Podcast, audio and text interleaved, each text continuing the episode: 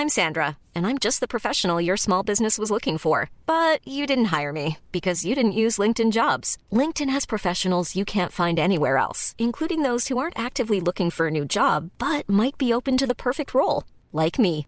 In a given month, over 70% of LinkedIn users don't visit other leading job sites. So if you're not looking on LinkedIn, you'll miss out on great candidates like Sandra. Start hiring professionals like a professional. Post your free job on linkedin.com/people today.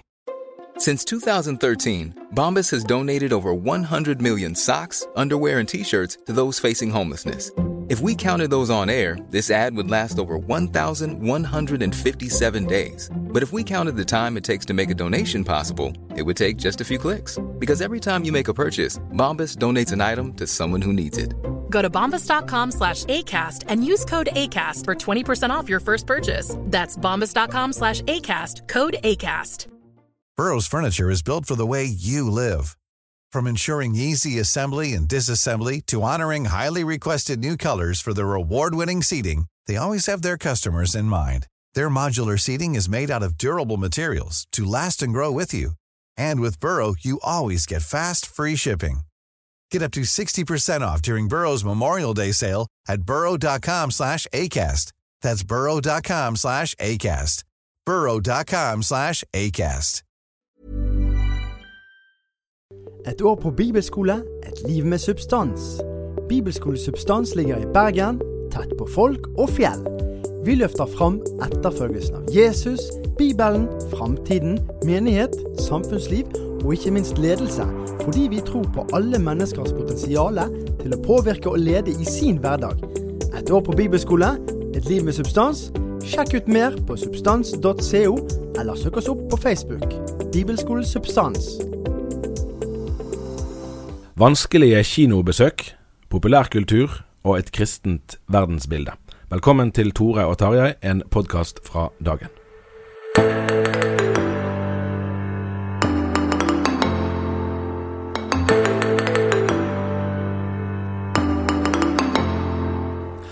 Da er Tore Hjalmar Sævik og meg sjøl Tarjei Gilje på plass på kontoret vårt etter et opphold i Sentral-Europa. Det stemmer. Vi har vært i Polen en tur på en kristen lærerkonferanse.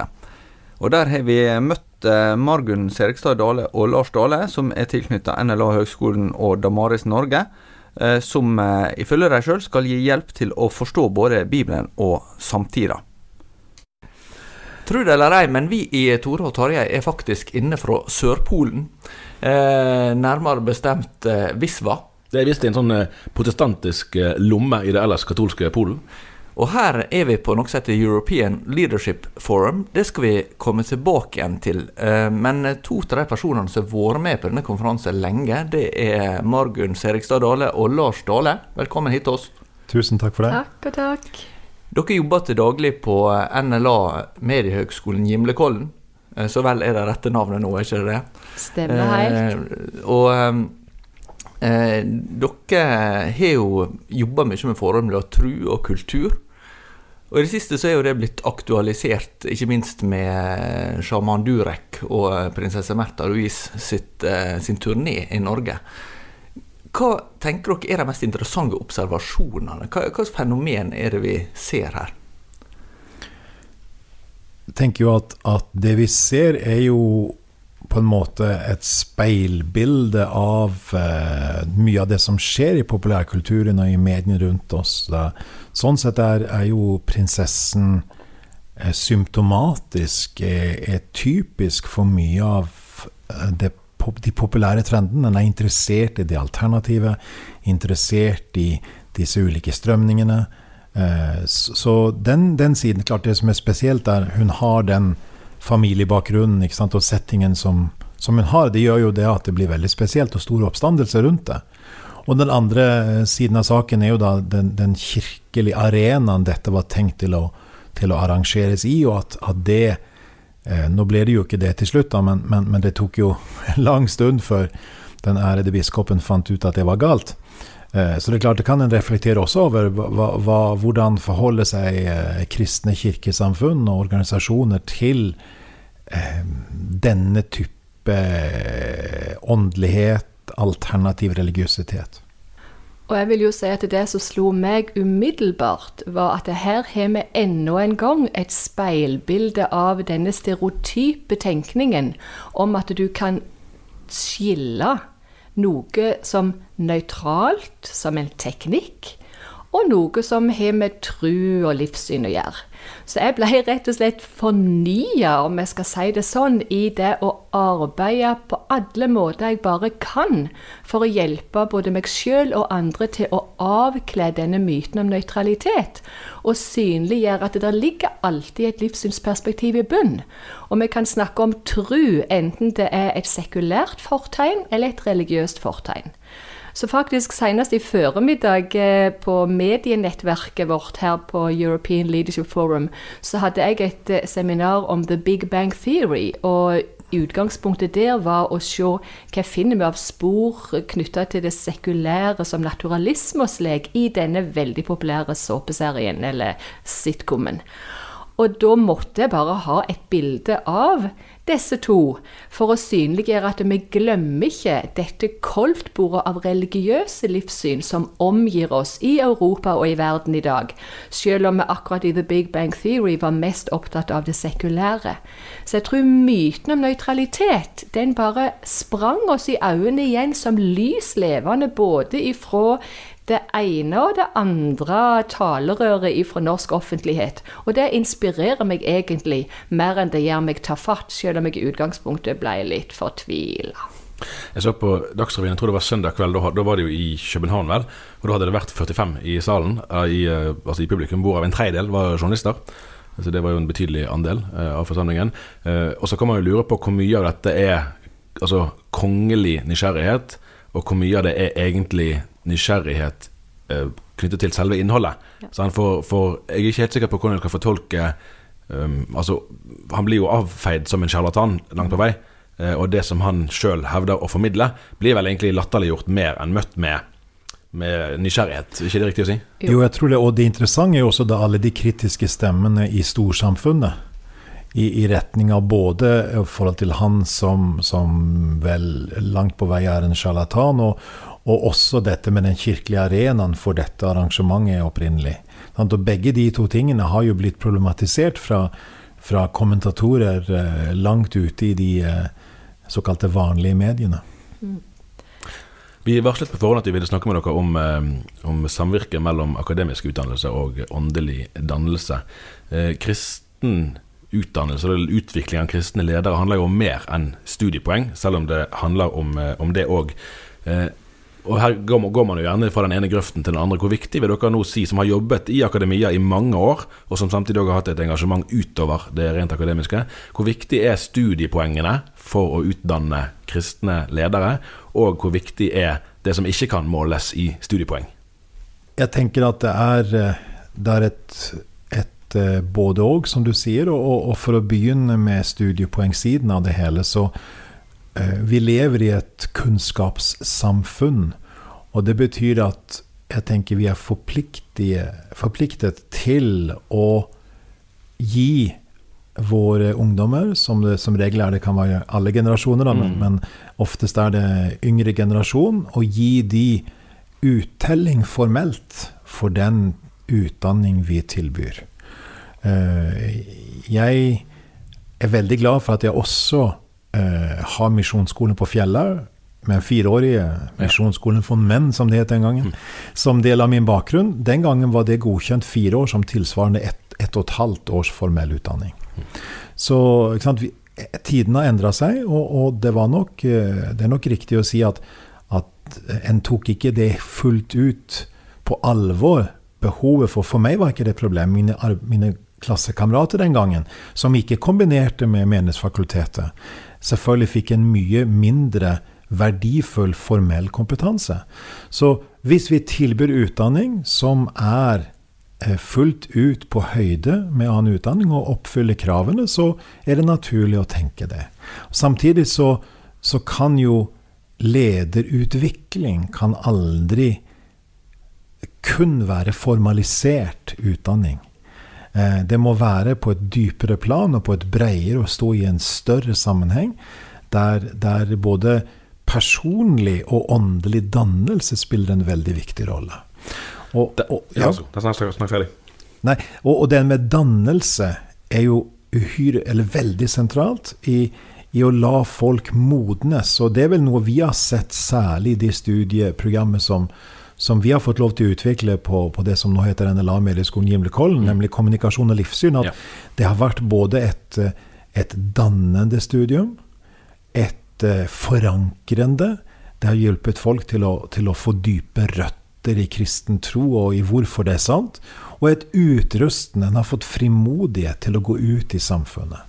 Og jeg tenker den kombinasjonen av å være dannende, forankrende og utrustende, det tror jeg må være en målsetning for uansett hva slags utdanning vi snakker om.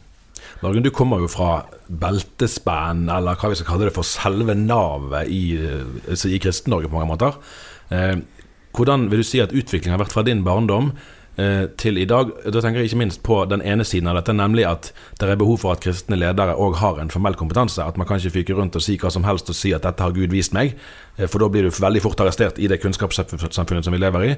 Hvordan ser du på den utviklingen der i løpet av den, fra din egen barndom og frem til nå? Ja, Da kunne vi hatt mange program i denne her podkastserien deres, fordi det har vært en enorm sterk utvikling med så mange faser. Eh, jeg, var den, jeg var russ for 40 år siden, faktisk. Mm. Eh, og det er vel den første generasjonen, tror jeg, som merka at dette med relativisme kom inn i klasserommet. Eh, men det var ingen, verken i kirka hjemme eller på bedehuset, som møtte det. Men jeg var privilegert. Jeg eh, vokste opp i en kristen heim, og vi kunne snakke om ting, og jeg var trygge. Men like fullt så kom disse spørsmålene snikende innpå. Hva gjør jeg med kristen tro når jeg går ut i universitetsverdenen? Og hvis det ikke hadde vært rent menneskelig for Francis Schaefer med sine ærlige svar på ærlige spørsmål og hele Labri-rørelsen, og hvis det ikke hadde vært for C.S. Lewis, så, så, vet jeg ikke helt hvordan det hadde gitt. Fordi eh, det var en Jens Olav Mæland som skrev den første boka som hadde med apologetikk å gjøre på norsk, 'Ingen unnskyldning'. Og han åpna opp disse perspektivene, og igjen knytta an til disse to internasjonale størrelsene.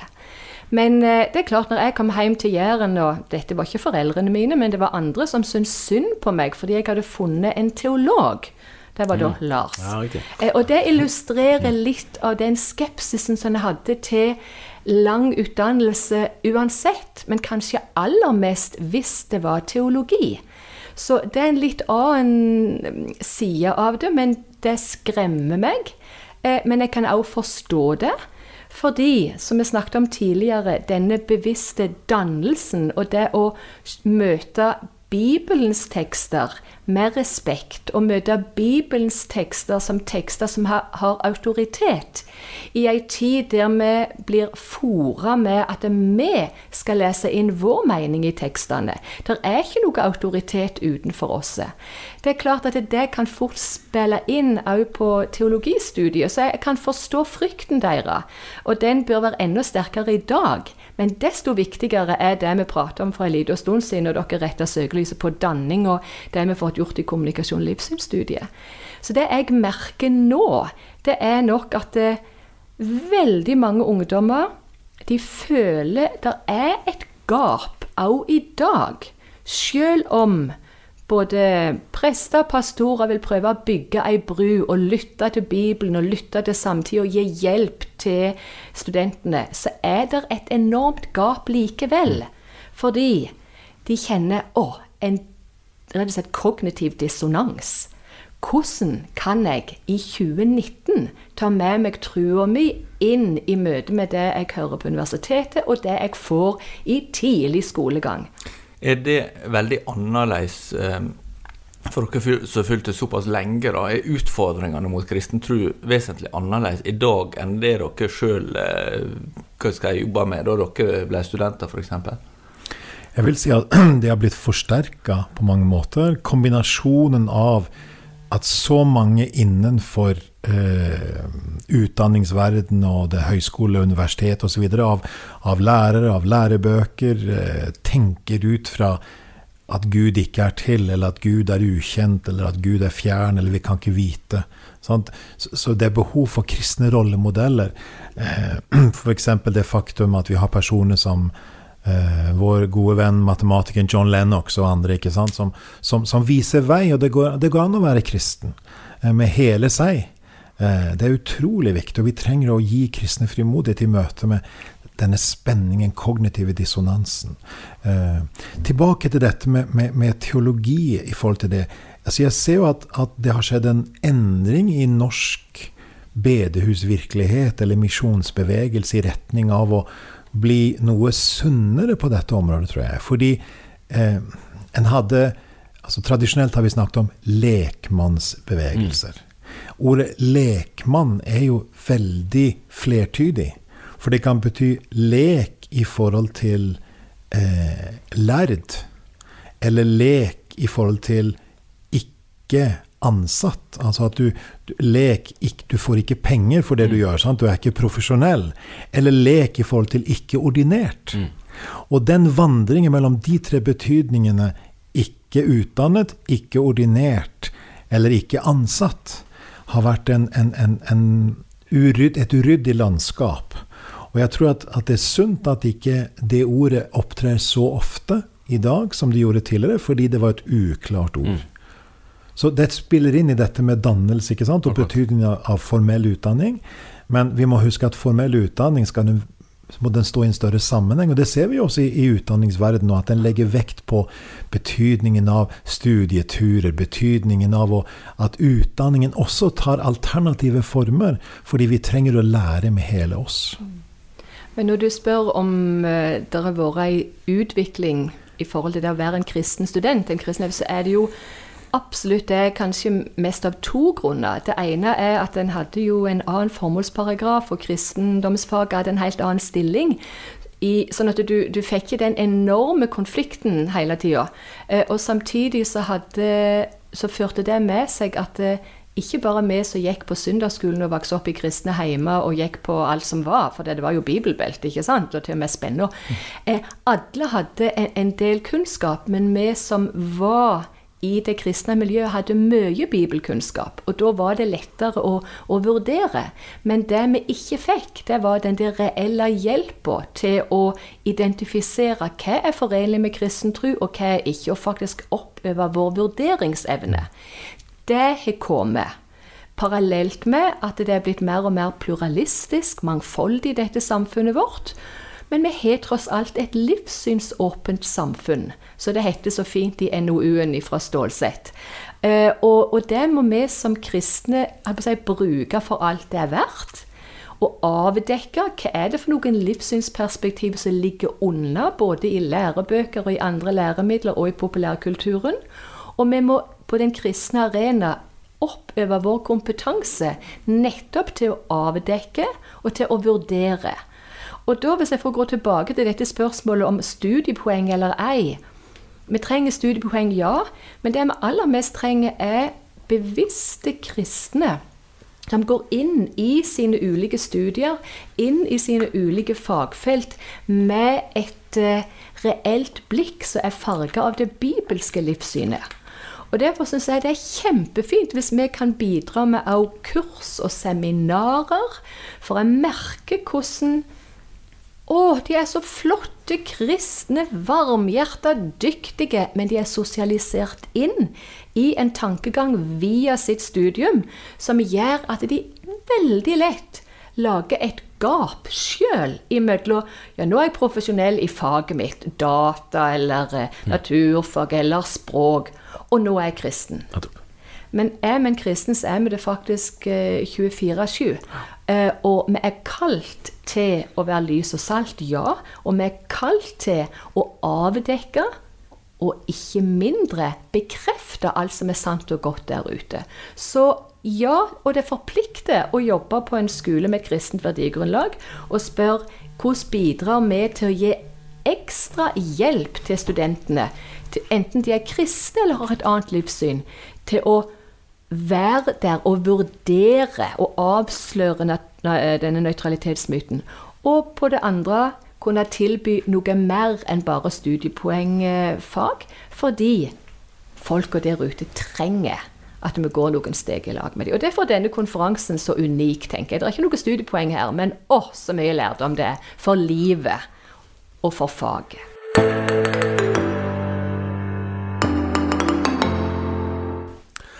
Dere er jo begge eh, regelmessig inne som skribenter i dagen. Og da er det jo ikke så sjelden at det er eh, filmer eller TV-serier som blir eh, analysert. Og det er jo egentlig noe av det som, som jeg syns er noe av det mest spennende da, med å holde på med å være og prøve å være en kristen avis, nemlig å prøve å, å se den tiden og kulturen som vi lever i, ut fra et, et kristent ståsted. Hvordan, hvordan opplever dere nå klimaet er, om du vil. Eh, Tenk, tenker jeg på at eh, det var sånn i, dagen i riktig gamle dager så mente den første redaktøren Johannes Lavik at vi kunne ha filmanmeldelser, men han måtte skrive de sjøl. For det var han som på en måte var i stand til å sondre da, mellom de, hva som passet seg og ikke. Sant? Og der har jo pietismen med, hatt med seg en ganske sånn streng tradisjon, der det å gå på teater og sånt, eller gå på kino heter var for mange utenkelig. Eh, sånn at veien derfra til å anmelde både bøker og filmer og, og hva det måtte være, eh, det er ikke alle som har vært like interessert i det. Eh, Men hvordan opplever dere forutsetningene for å kunne gjøre det nå? Og er, på en måte, hvordan skal vi forholde oss til kulturen? Er den en venn eller er den en fiende? Nei, det, det, er jo, eh, det er jo kanskje både òg, Og, og at kulturen er mangfoldig. Mm. og at eh, vi, eh, vi trenger da å, å, å eh, spørre oss vil, hva i kulturen er, kan vi på en særlig måte, sånn som Margunn snakket om, bekrefte? Og hva trenger vi å utfordre på en særlig måte? Så er det noen ting i kulturen som er trendsettende, som er viktig å vite noe om, fordi det påvirker så mange. Eh, Margunn, du hadde jo her seminar om, om denne TV-serien Big Bang Theory, Ja. som jo er en av de absolutt mest sette TV-seriene på, på lang tid. Og, og, og preger folk over tid. Eh, helt opplagt i forhold til, til et, et sekulært livssyn.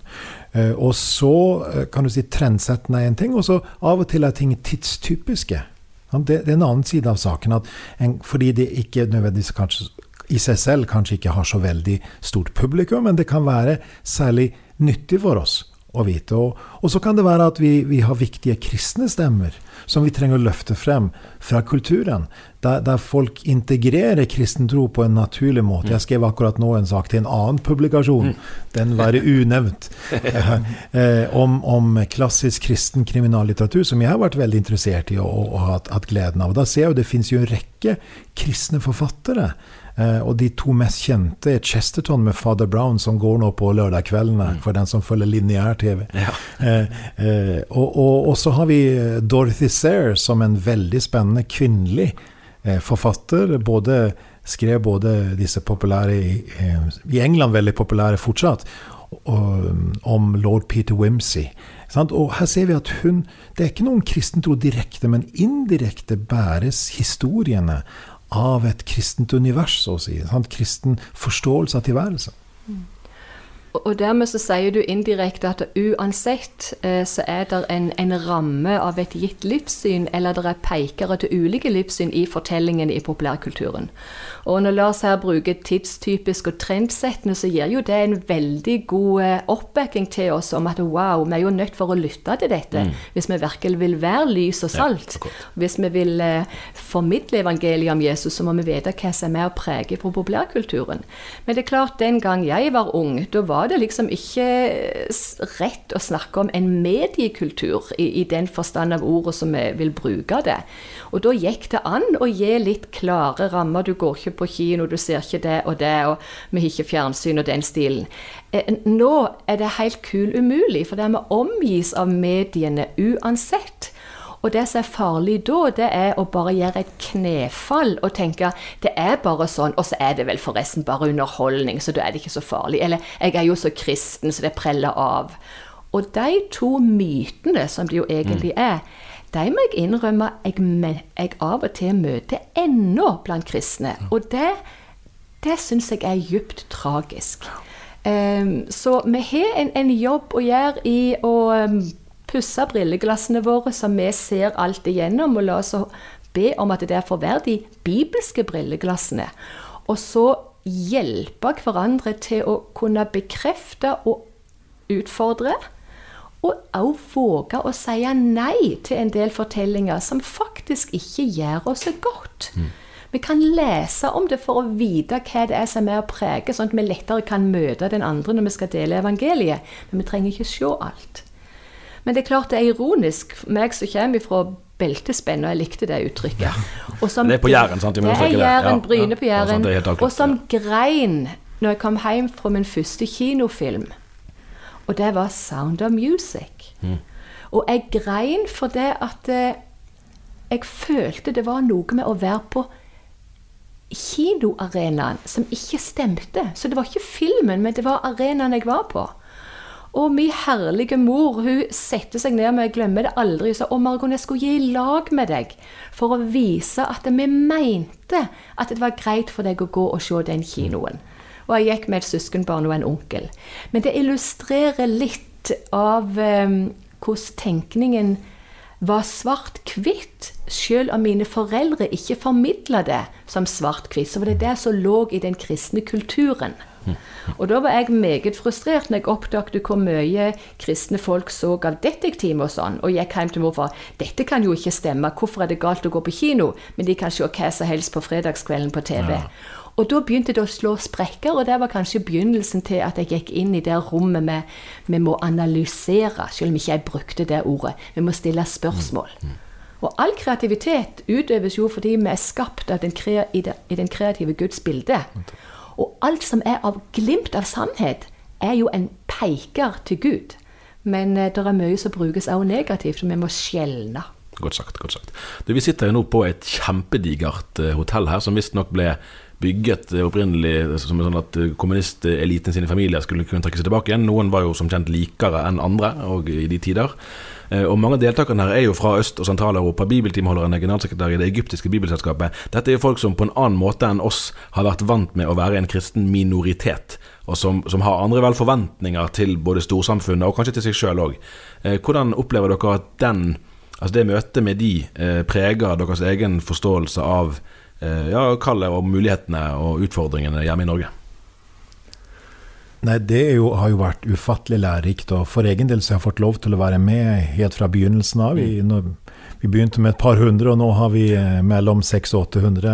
Og, det var i 2004, eller? 2002. 2002, ja. Ja. ja. Det er faktisk en dobbel bakgrunn. Det ene bakgrunnen er at eh, et apologetikk, et kristent trosforsvarsnettverk på den store Hope 21-konferansen i Budapest, Evangelisk alliansen sin. Og det andre var et, en, en, et ønske om et, et forum, lederskapsforum for øst- og sentraleuropeere. Og så ble dette for hele Europa, og med det apologetiske nettverk inkludert i hjertet av, av det hele. Og det er klart, det tror jeg kanskje har vært en av de største betydningene av ELF. har vært at ikke bare det med å gi argumenter og grunner for kristen tro, men på enda dypere at kristen tro er sann. Og det, hva med å altså, vi har fått lov til å ha, plassere det i sentrum av en etter hvert stor og etter hvert innflytelsesrik kristen konferanse eh, for alle mulige slags personer. Så her, en har, en har fått noe om det apologetiske, eh, sannheten, tro i kjærlighet. Eh, uansett hvilken arena, eller hvilket kall, eller hvilken rolle, eller hvilken oppgave en har. Så, så jeg tror vi har lært veldig mye over, over årene her for, for å for, Det har vært få lov til å være med her og, og, og lytte og lære. Og så gjennom European Leadership Forum, ELF som det kalles på kort, eh, så har vi også eh, fått møte utfordringen, invitasjon til å være aktive på, i Lausanne-bevegelsens regi internasjonalt. Så ELF har vært porten for oss eh, utover i, i, i i, så, i Afrika f.eks., i Øst-Afrika, Sentral-Afrika, der vi har fått lov til å være de siste årene en del. Og midt i denne læringen som gjør oss så ydmyke, så, så har det òg eh, leie veldig tydelig kall, kjenner jeg, til å dele det jeg har fått lov å få. Og det jeg har fått være med å utvikle på, på Gimlekollen med de i gamle øst, som plutselig ble overskylt med alle disse populære seriene og filmene. Og jeg, jeg kommer aldri til å glemme første året jeg var her og jeg hadde seminar om eh, noen såpeserier, og hvordan de ville særlig påvirke oss kvinner i synet på vår verdi, og hvordan vi skulle leve og sånn. Og det var jo køer av folk som ville snakke med meg etterpå. Fra Romania, Ukraina, Serbia, ja, you name them. Alle disse landene. Og år etter år etter år så har jeg adressert ulike serier, ulike filmer, ulike trender fra populærkulturen som vil gjøre noe med oss. Og så ikke bli værende i det, men bli værende i Wow! Hvordan kan vi møte dette fra et kristen perspektiv? Og, og det å få lov å dele et verktøy jeg selv fått være med å bygge bygge ut det, det, har vært bare så meningsfullt. Og jeg kjenner vi har et ansvar for å gjøre det. Og akkurat det samme er det jo nå vi opplever når vi er i Uganda, Kenya, Etiopia, Tanzania, Sør-Afrika. Fordi vi har et ansvar at ikke de havner i samme grøfta som vi var i. For vi var i ei grøft mm. når vi tenkte svart-hvitt. Ja, ja. Vi var i ei grøft når vi trodde at vi kunne bare skjerme ungene fra mediefortellingene. Nå må vi gå stegene i lag med de, og vi må både be og arbeide for at de våger å stille spørsmål, og at de kjenner den bibelske store fortellingen om skapelse og fall og frelse og forløsning, og kan henge alle de andre fortellingene i Bibelen på de fire pilarene. Og så stille spørsmål hva blir jeg egentlig fortalt, om det er i barne-TV på NRK Super eller en film på kino og hjelpe dem til syvende og sist å våge å velge vekk, for det er a better story to tell for plutselig å snakke engelsk her. Hvordan er det med situasjonen for kristne? Altså, vi eh, ser fra Norge tenker naturlig nok på Kristen-Norge, men hvis vi ser på Kristen-Europa, ut fra de inntrykkene som dere får her, hva, hva er likt og hva er forskjellig, hvis vi skal se på noen sånne store linjer? Hvis jeg kan ta én linje som jeg merker særlig i samtale med kvinnene, så kjenner de et veldig press ifra på den ene sida en tradisjonell, mer ortodoks kristendomsforståelse som også preger samtida, og det veldig sekulære som de ser så tydelige spor av ennå eh, fra kommunisttida, og som får litt nye fasetter nå pga. populærkulturen. Så de, de har en kamp på begge fronter. Fordi de vil formidle Jesus. De vil formidle friheten. De vil formidle at vi kan faktisk tro på Bibelen, ha tillit til Bibelen. Bibelen er en god autoritet. Ikke som det de kjenner fra en misforstått ortodoks sammenheng og fra det politiske liv. Så bare den biten er forskjellig, og likevel så kan vi umiddelbart relatere litt til vår egen situasjon i Norge og kjenne at det, ja, det er en kamp i ulike retninger om å forstå med frimodighet på Bibelens grunn, i kjærlighet og varme og takknemlighet over at det faktisk er noe som er sant, som står fast, som ikke er opp til hvordan jeg vil tolke det. Og like mye som vi fronter så sterkt respekt for tekstene når vi er i populærkulturen, så må vi ikke glemme respekt for tekstene i Bibelen. Hvordan møter vi dem med respekt? Når det gjelder Europa som helhet, så er jo det veldig mangfoldig. Eh, forskjellen mellom eh, Nord-Nordvest-Europa, som vi kommer fra, eh, der eh, vi har den, den, eh, protestantiske, den lutherske eller andre protestantiske tradisjoner, eh, hele reformasjonstradisjonen. Vi har Sør-Europa med det katolske. Eh, vi har eh, Øst-Europa med det ortodokse.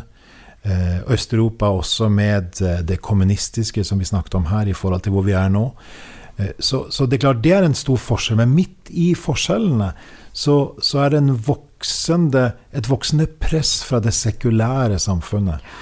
Og en har et press, tror jeg, fra noen dels generelt i samfunnet. Det å, og, og, og Margunn, du nevnte det livssynsåpne samfunn. Det å uh, Guinness, uh, som har en kjent kristen kulturkritiker, forfatter, som har vært her på uh, eh, ELF en rekke ganger, han snakker om at vi trenger å, å, å, å verken den, den religiøse tvangstrøyen i gamle tider, der ett religiøst syn skulle tvinges inn over alle, og heller ikke den sekulære tvangstrøyen, der, der, der den, den, nakne sekulære skulle liksom være det som, som, gjør at all religion og religiøsitet, og inkludert kristen tro, fjernes fra den, den, fellesarenaen i samfunnet.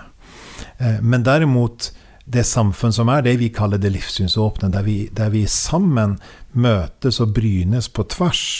Eh, og da er vi jo rett inn i norsk sammenheng, ikke sant, med eh, lokkeboller og lagsandakter og, og det ene med det andre. ikke sant? Det, det er midt i det. Men jeg ser at presset er også fra noen lobbygrupper sant, i samfunnet. Vi har nyateistene, som fortsatt er, er sterke, selv om de ikke kanskje er så sterke i alle sammenhenger som de var. Eh, religion er farlig, ikke bare feil, sier de. Og vi har presset fra islamisme, som, som, er viktig.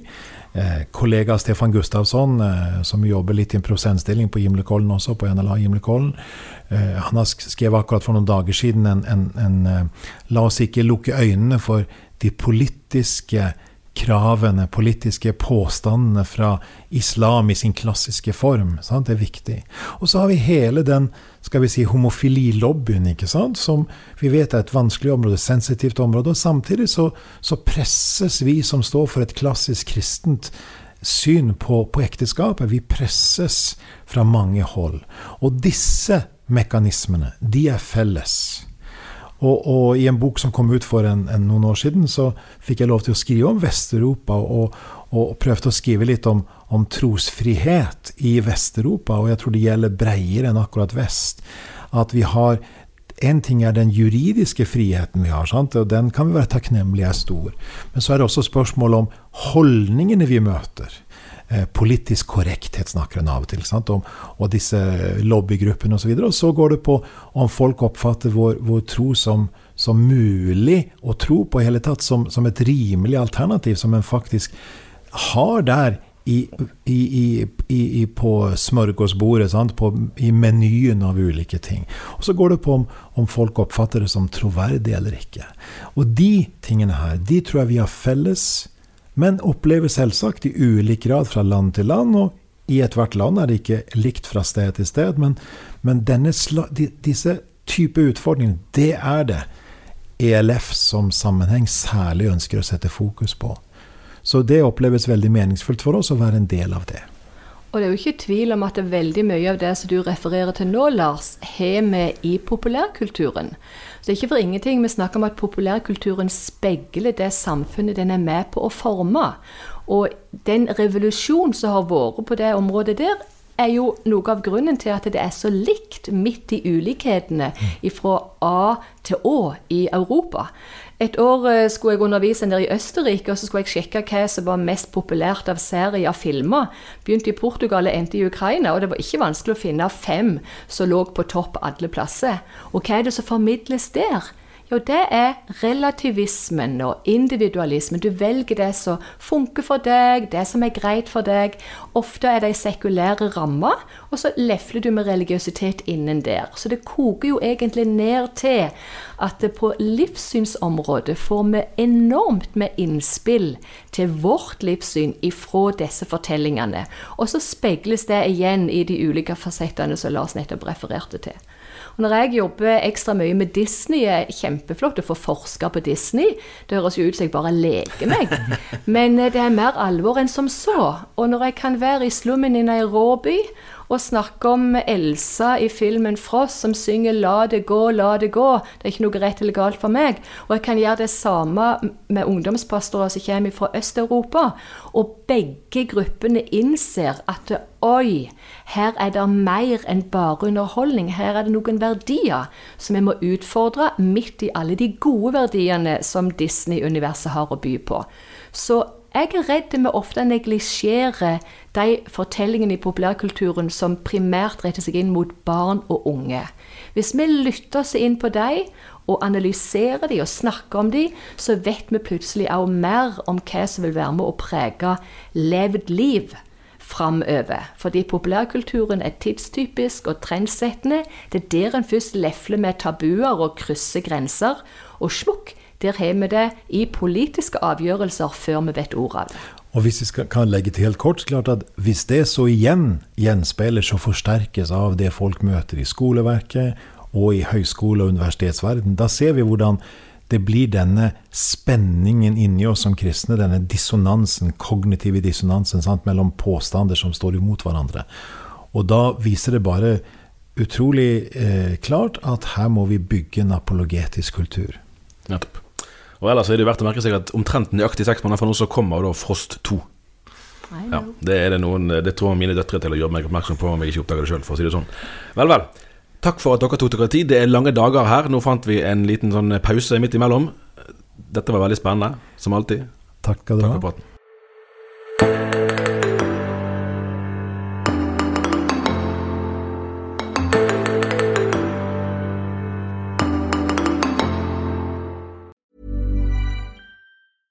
Flexibility is great. That's why there's yoga. Flexibility for your insurance coverage is great too. That's why there's United Healthcare Insurance Plans. Underwritten by Golden Rule Insurance Company, United Healthcare Insurance Plans offer flexible, budget friendly coverage for medical, vision, dental, and more. One of these plans may be right for you if you're, say, between jobs, coming off your parents' plan, turning a side hustle into a full hustle, or even missed open enrollment. Want more flexibility? Find out more about United Healthcare Insurance Plans at uh1.com. Hey, it's Danny Pellegrino from Everything Iconic. Ready to upgrade your style game without blowing your budget? Check out Quince. They've got all the good stuff shirts and polos, activewear, and fine leather goods, all at 50 to 80% less than other high end brands. And the best part? They're all about safe, ethical, and responsible manufacturing. Get that luxury vibe without the luxury price tag. Hit up quince.com slash upgrade for free shipping and 365 day returns on your next order. That's quince.com slash upgrade. Hi, I'm Daniel, founder of Pretty Litter. Did you know cats tend to hide symptoms of sickness and pain? I learned this the hard way after losing my cat, Gingy. So I created Pretty Litter, a health monitoring litter that helps detect early signs of illness by changing colors, saving you money and potentially your cat's life. Pretty Litter is veterinarian developed, and it's the easiest way to keep tabs on your fur baby's health right at home. Go to prettylitter.com and use code ACAST for 20% off your first order and a free cat toy. Terms and conditions apply. See site for details.